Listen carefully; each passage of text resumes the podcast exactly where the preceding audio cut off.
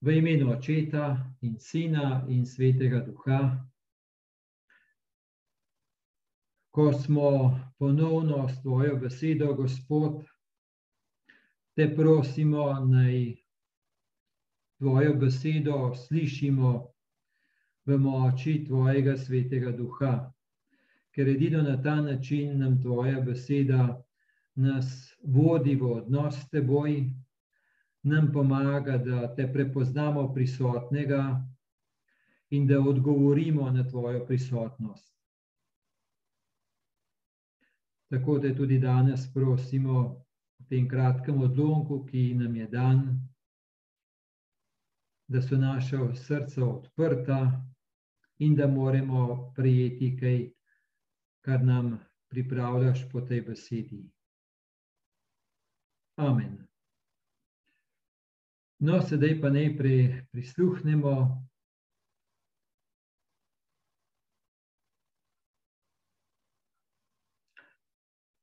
Odlomek je iz Janeza 10, 27 do 30. Tisti čas je Jezus rekel: Moje ovce poslušajo moj glas. Jaz jih poznam in hodijo za menoj. Dajem jim večno življenje nikoli se ne bodo pogubile in nihče jih ne bo iztrgal iz moje roke. Moj oče, ki mi jih je dal, je večji od vseh in nihče jih ne more iztrgati iz očetove roke. Jaz in oče sva eno.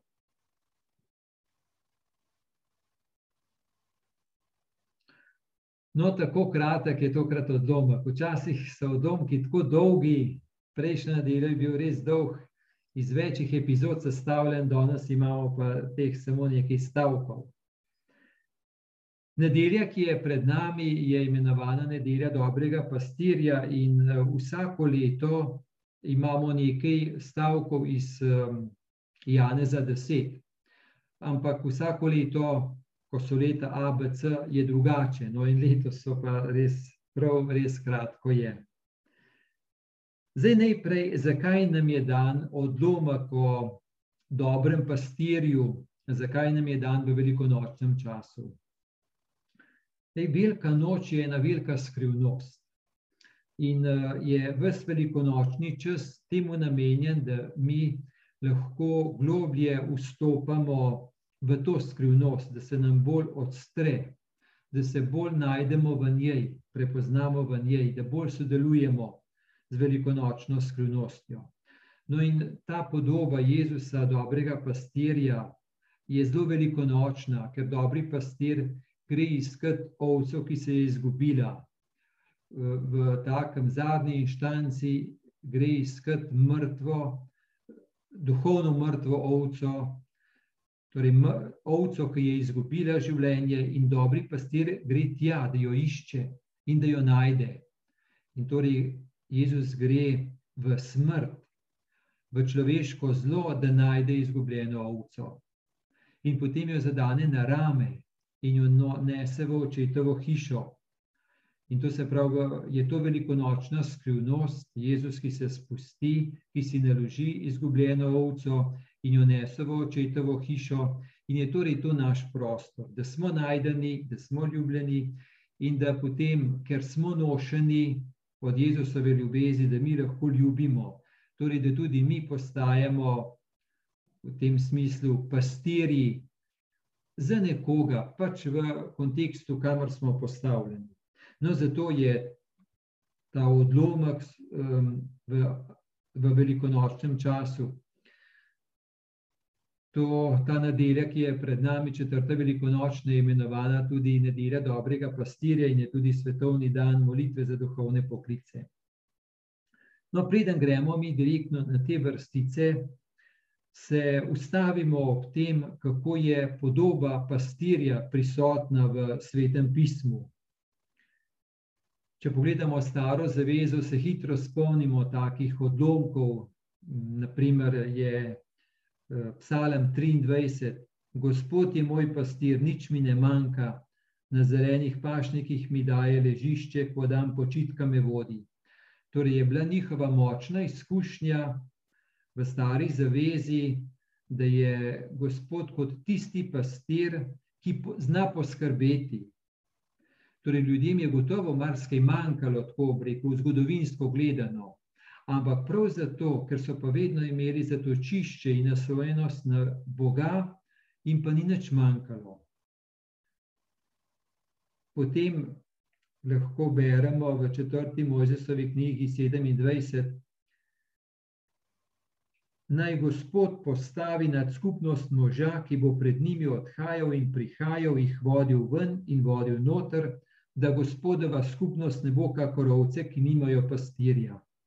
To se pravi, kako Bog poskrbi za svoje ljudstvo, da jim da pastirja. Potem pa veliko ima o pastirju Ezekiel. Ezekiel 34. poglavje, praktično vse to poglavje govori o pastirju da tako govori Gospod Bog. Glejte, jaz sam bom poskrbel za svoje ovce in jih poiskal. Kakor pastir išče svojo čredo, ko je sredi med razkropljenimi ovcami, tako bom tudi jaz poiskal svoje ovce in jih rešil iz vseh krajev, kamor so se razkropile oblačnega in temačnega dne. Odpeljal jih bom izmed ljudstv, jih zbral iz dežel in pripeljal na njihovo zemljo. Pasel jih bom po Izraelovih gorah, po dolinah in po vseh naseljih v deželi. Na dobri paših bom pasel, na Izraelovih gorskih višinah bodo njih pašniki. Tam bodo poležavale na lepem pašniku, imele bodo obilno pašo na Izraelovih gorah. Sam bom pasel svoje ovce in sam jim bom dajal počito, govori Gospod. Izgubljene bom poiskal, razgnane pripeljal nazaj, polomljene obvezal, bolne okrepčal, rejene in krepke obvaroval, pasel jih bom, kakor je prav. Postavil bom čez nje enega pastirja, da jih bo pasel svojega služabnika Davida, ta jih bo pasel, ta jim bo pastir. No, je močno izražena skrb Boga za ljudstvo, in podoba pastirja je v tej kulturi močno izražala, pa povedala um, resnico, kako Bog želi poskrbeti in bo poskrbel za svoje ljudstvo. Ezekiel je v času izgnanstva, pa vendarle govori, da bo Bog, Bog tako poskrbel. In potem zadnji stavek, ki smo ga slišali, pa sploh je napoved ne Davida, ker David je prej živel, je že umrl, ampak da bo eden od njegovih naslednikov, da bo pastir. No, in to je potem Jezus Kristus, pravi, dobri pastir. V novi zavezi tudi se hitro spomnimo nekaterih odlomkov, kjer je govora o dobrem pastirju, naprimer Luka 15, ko reče: Kdo izmed vas, ki ima sto ovc, pa izgubi eno od njih, ne pusti 99 v puščavi in gre za izgubljeno, dokler je ne najde, in ko jo najde, jo vesel zadene na rame. Ko pride domov, skliče prijatelje in sosede ter jim pravi: Veselite se z menoj, kaj ti našel sem ovco, ki se je izgubila. Potem še Hebrejcem 13. Bog miru, ki je od mrtvih privedel našega Gospoda Jezusa, ki je po krvi večne zaveze, veliki pastir ovc, naj vas izpopolni v vsem dobrem, da boste izpolnili njegovo voljo torej je imenovan veliki pastirovc. Pa potem še prva, prvo Petrovo pismo, drugo poglavje. Kakor ovce ste namreč blodili, zdaj pa se ste, ste se vrnili k pastirju in varuhu svojih duš. Kakor ovce ste namreč blodili, zdaj pa ste se vrnili k pastirju in varuhu svojih duš. No, tako je ta podoba močno prisotna Zdaj nam je gotovo manj, ker nismo v tej kulturi, ampak vsaj nekaj pa lahko začutimo, kaj pomeni skrb pastirja za ovce. No, ne še omenim, da v prvih stoletjih, ko hm, so kristijani s kakšnimi zna, znaki, pa risbami, poslikavami, simboli poskušali dati kakšno označitev za Kristusa, torej takrat niso še uporabljali križa. Križ je mnogo pozneje prišel.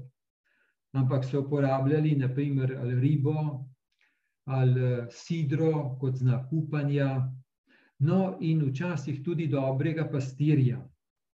Je znana iz Kalistovih katakomb iz sredine 3. stoletja ta podoba Kristusa, dobrega pastirja, ki nese ovco na rami. Torej, sreda 3. stoletja, to je bil še čas zelo močnih preganjanj kristijanov. In so oni torej vedeli, ne, da Jezus, dobri pastir, ni edino dobri pastir, da bi jim zdaj zagarantiral, da bi se kar eh, preganjanja nehala, ampak da je Jezus dobri pastir, ki je z njimi v tem smislu, da oni v takem preganjanju, kot so, da ne izgubijo vere, da v takem, ko so bili preganjani krivično, torej, ko jih je zelo zadelo, da niso na zlo odgovorili za zlom, ampak z ljubeznijo. Tako je Jezus bil z njimi, je nosil jih. In gotovo to, da niso, da zaradi vere v Kristusa, da so lahko izkušali in verovali, da ni edino, kar imajo teh nekaj desetletij tega življenja, ampak da je teh nekaj desetletij tega življenja samo en izraz Božje ljubezni, ki pa se ne neha s koncem tega življenja. Da je način, kako Bog ljubi človeka, da je, gre mnogo onkraj tega, kar je vezano samo na to ustvarjeno življenje. Hm.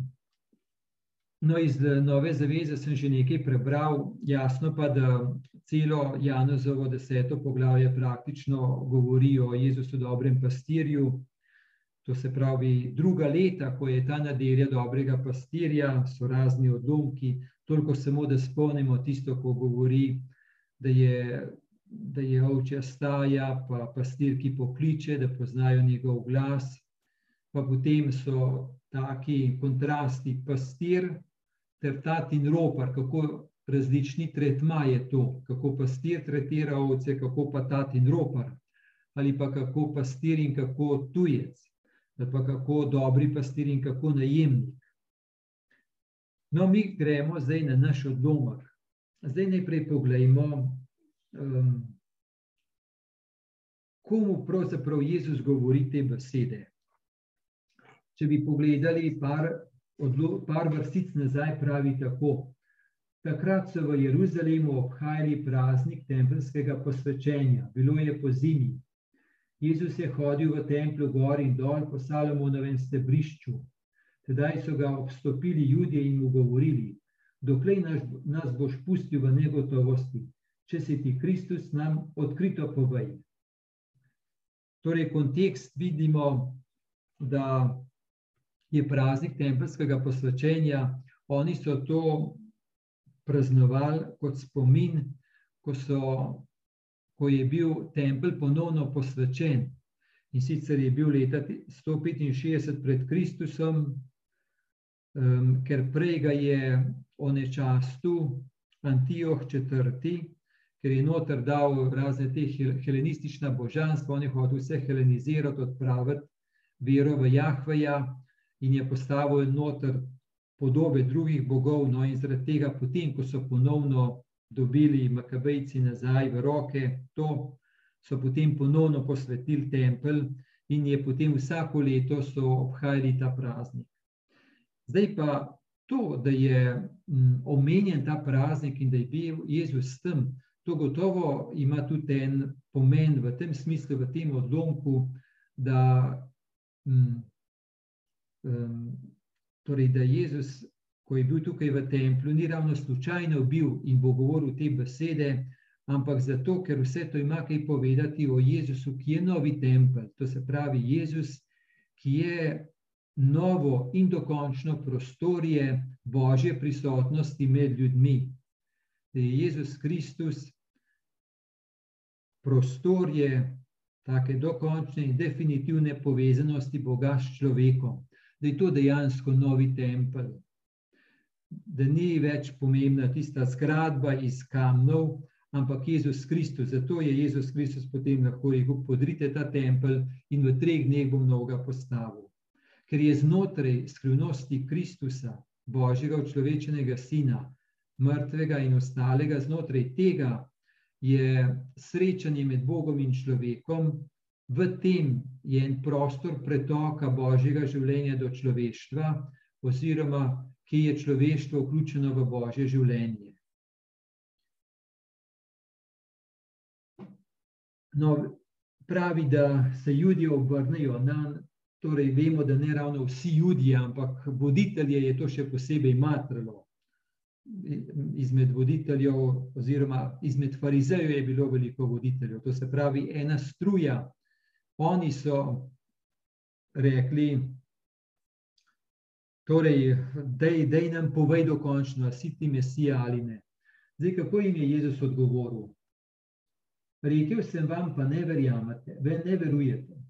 Dela, ki jih upravljam v imenu svojega očeta, ta pričajo o meni. To, da vi ne verujete, ker niste izmed mojih ovac. To se pravi, Jezus jim reče tako, jim reče, jaz sem itak vam že povedal, da sem Mesija. In poleg tega se ja ne vidite, kaj jaz delam. Če bi brali Janezov evangelij, bi, bi videli, da ima do tega poglavja ogromno tega pokazanega, kakšna znamenja je delo, naprimer pozdravitev sina rimskega uradnika, potem pozdravitev v kapeli Betezdi, ko je paralitika v zdravu, potem, ko je nahranil v puščavi na tisoče ljudi, ko je hodil po jezeru, zdravil slepo rojenega, torej ogromno teh stvari. Ampak tako je, da um, je ena skrivnost, da če tudi jim je rekel, da je Mesija, ampak so kar ostali zaprti v srcu. Če tudi so na kakšen način videli ali pa saj slišali o Jezusovih delih, se jih to ni dotaknilo, je to kot ostalo zunaj njihovega srca. To se lahko naredi. To se pravi, da je prav to uh, sprejet Jezusa, nekako pustiti se, um, nagovoriti od njega, spustiti ga blizu, nikakor ni, nikakor ni avtomatsko, prav gotovo ne. Prav gotovo ne. Ni bilo za jude in gotovo tudi za nas ni.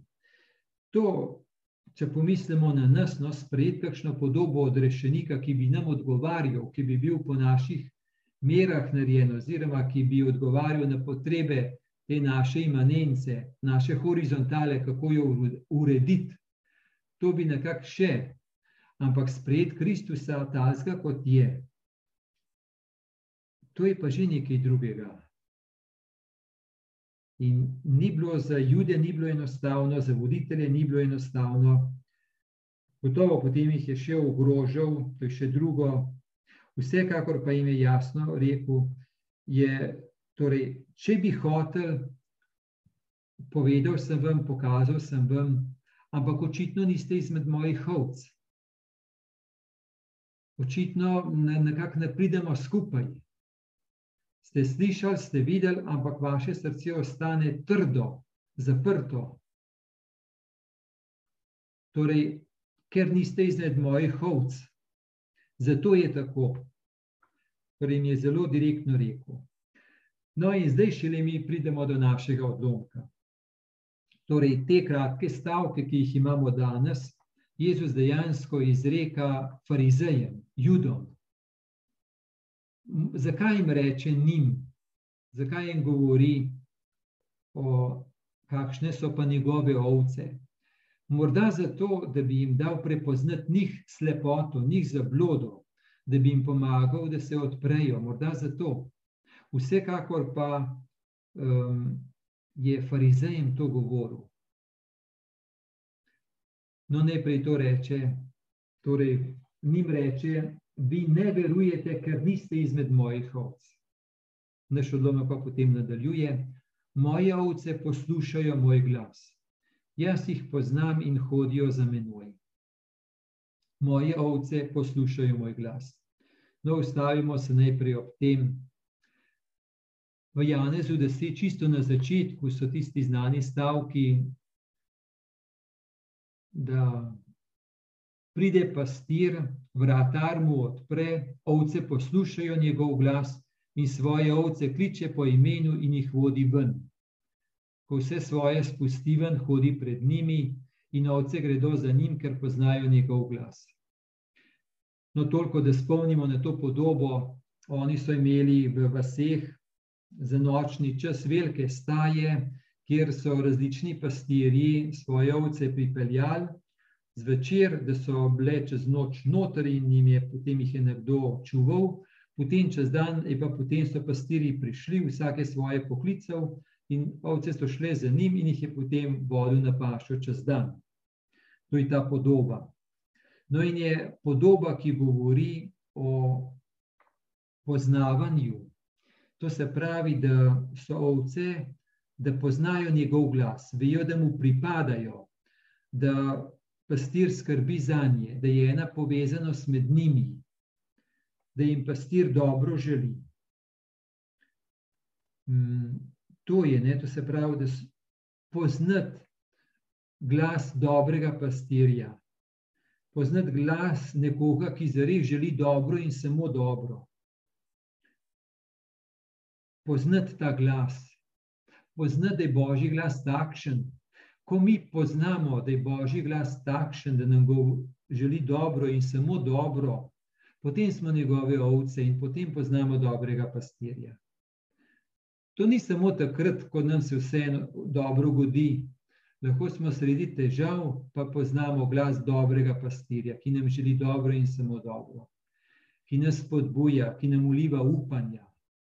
To je glas, Kristusov glas, po svetem duhu, ki nam je dan. Poznati ta glas, vemo, kako je to dragoceno, glas upanja, glas ljubezni, Vsi vemo iz, na, iz naših izkušenj, prav gotovo, kaj pomeni um, ljubeč pogled na bližnjega ali pa na sebe. Kaj bi pomenil en tak tuj glas? Glas tujca, ki sodi, ki obsoja, ki hladno nekaj reče, gleda, naprimer tudi mi sebe ali pa drugega. Kaj pa pomeni glas, ki želi dobro? Pa vedoč, da je vsak človek grešen, pa omejen.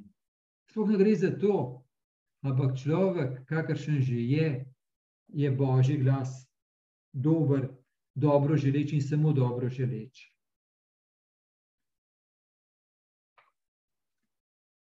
Torej, posluš, poslušaj, poslušaj moj glas, da poznamo ta glas. Zdaj, te dni sem bral eno knjigo od Martinija in on na parih mestih prav to govori, kako je pomembno sveto pismo in branje svetega pisma za poznavanje glasu Jezusa. Pravi nekje Martini. Najbolj pomembno je, da slišimo njegov glas v svetem pismu. Pa nekje druge pravi, da si človek izoblikuje lastno mnenje in vest, torej notranjo moč, pa verjetno najbolj pomaga sveto pismo. Tako reče. Zakaj sveto pismo? Zato, ker sveto pismo, torej sveto pismo ni samo ena zbirka enih navodil, ki nam jih Jezus oziroma Bog reče, enih navodil, kaj treba, kako ne, pa kako ja in tako naprej. Ne gre za to samo. Tudi tega je nekaj v pismu, ampak to je mečken delež. Um, naprimer, če pomislimo, vseh prvih pet Mojzesovih knjig se imenuje postava, Torah ampak v njej, v teh prvih petih knjigah, je nekaj, je gotovo, tudi so deset zapovedi, pa kakšne druge stvari. Ampak, um, kar je pa še um, mnogo bolj pomembno, a slišmo,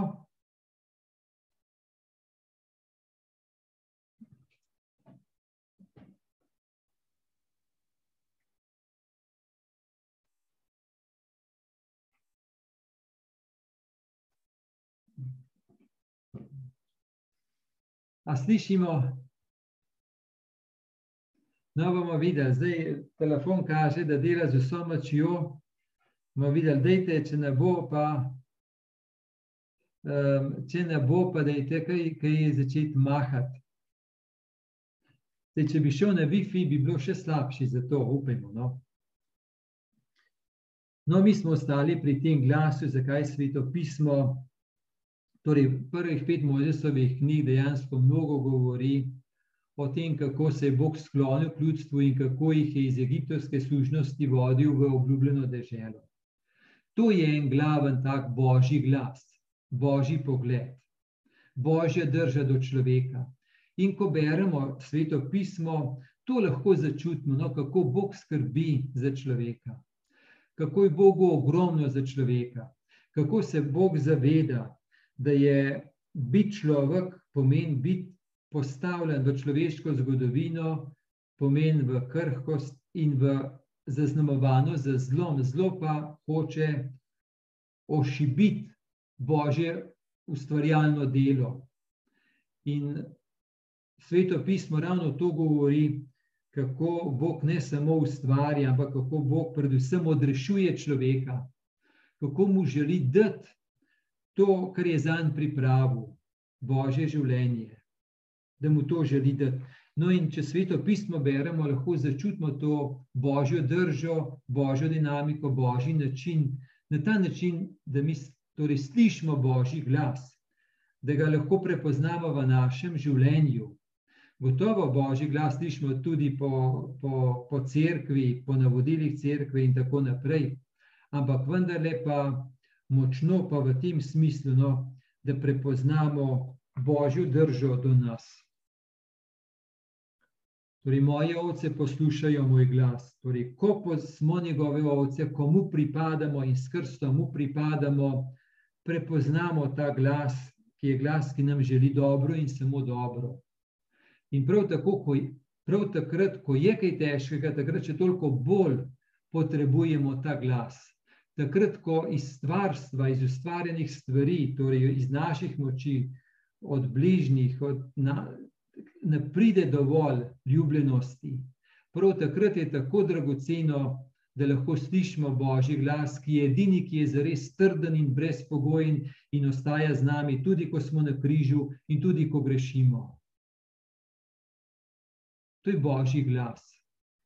Torej, nikakor ne samo nekaj operativnega, ampak en glas, ki daje upanje, ki govori, da smo mu dragoceni, da nas pozna. Kaj pomeni, pravi, jaz jih poznam. Jaz jih poznam, torej v svetem pismu poznavati ni toliko eno tako intelektualno poznavanje, ki pride z našim razumom, ampak je eno poznavanje, ki pride z bližino, ki pride z osebnim odnosom, ki, ki pride s poznavanjem um, na nivoju srca, odnosa, odprtosti. Kdor pozna, pozna zato, ker ljubi. Za ljubezen je princip spoznavanja. Torej, poznati v svetem pismu pomeni imeti izkustvo bližine, na ta način pozna, izkustvo odnosa. Kdaj nas je Jezus najbolj spoznal? Jezus nas je najbolj spoznal, ko se je izročil nam v roke, ko je rekel: Delite z menoj, kar hočete, jaz vas bom imel rad. Takrat nas je najbolj spoznal, in v Jezusu nebeški oče spozna človeka in kakšen je človek. Ampak ob enem pa tudi v Jezusu človek spozna Boga, kakšen je Bog do človeka, da je ljubezen in samo ljubezen. To Jezus razudane. To je poznavanje. Hebrejcem v četrtem poglavju pravi, nimamo namreč velikega duhovnika, ki ne bi mogel sočustovati z našimi slabostmi, marveč takega, ki je kakor mi preizkušen v vsem, vendar brez greha. Torej, Jezus nas pozna, pozna naša življenja. No, in naprej Jezus pravi za svoje ovce, pravi, no, najprej še reče: hodijo za menoj. Torej, ko Jezus pokaže svojo ljubezen, ovce so jih privlači, zato gredo za njim. Ne zato, ker bi jih rekel, gorivam, če greste od mene, vas bom kaznoval. Ne to. Mi smo itak že kaznovani, če smo nekje proč, ker životarmo nekje. Torej, privlak je. Um, in to, in um, to res, kaj pomeni, naprimer, da bi crkva lahko bila taka, da se jo ne bi ljudje bali, pa bežali, ampak da bi privlačila torej hoditi za njim zaradi privlaka. No, naprej pravi Jezus, dajem jim večno življenje, nikoli se ne bodo pogubile in nihče jih ne bo iztrgal iz moje roke. Dajem jim večno življenje. Torej, kaj prinaša Jezus? Lahko tako rečemo, da Jezus ne zna drugega, kot da ljubi, to prinaša od očeta. In to božje življenje prinaša. Torej, božje življenje, najbolj tako teološko rečeno, je božje življenje, je odnos med očetom in sinom, in to nam Jezus prinaša. Večni odnos v moči svetega duha med očetom in sinom, da smo v to vključeni in da smo tega deležni. To torej nam prinaša, pa z drugimi besedami, da prinaša nam božjo ljubezen, pomeni tisto ljubezen, ki na zlo ne odgovarja z zlom, ampak na zlo odgovarja z dobroto. To nam Jezus prinaša. Torej, Bog nam daje mnoge darove, ustvarjene darove, in iz stvarstva imamo mnogo enih, da, da se čutimo tudi ljubljeni. Prav gotovo se ogromno prejemamo iz stvarstva. Ampak vendarle pa en kanal, brezpogojen, močen kanal je pa v Kristusu. To se pravi, eno tako neposrednost, božjo neposrednost, ki smo jo deležni. Božje življenje, mm, zdaj sem tako sem rekel, s katerimi besedami bi lahko jaz izrazil v moji izkušnji, vse to je res težko izraziti, ampak tako mi pa ne bolj prihajalo na to, tako občutam, ne, kaj pomeni kadar lahko bi rekel, sem v toku božjega življenja, v tem smislu, oziroma iz tega vidim, ko lahko tudi nekaj majhnega, da je tako polno. Um, ker drugače sem že tako narejen, da, da, da, da mora ne vem, kaj velikega biti, da se mi kaj uredenega zdi. Um, kar ne vem, kaj bi moral biti. Medtem ko pa, kadar pa res verjamem v toku božjega življenja, da je lahko tudi majhna stvar, pa je vredna. Ena drobna stvar pa je vredna. Da je, da je živeti z Bogom, z ljubeznijo, v tej usmerjenosti, v povezanosti z Bogom, je pa vredna. Vem, so boge besede, ampak je pa to tako dragoceno. Res bi rekel, kaj je to tako veliko, tako veliko. Ali pa naprimer tudi, kako v Kristusu dobi vsaka stvar, tudi vsak padec dobi svojo vrednost, tudi vsaka šipka, šipkost dobi svojo vrednost. Um, konc koncev tudi grešnost dobi svojo vrednost v Kristusu, ker je ljubljeno. To je Božje življenje. Pa Božje življenje je tudi to, to, ne, eh, ko, ko vidim, da včasih bi se kar šparil, pa nazaj potegnil, in kader pa nekako pride ta en božje življenje, da se človek ne špara, ampak da se lahko daruje, to je res božje življenje.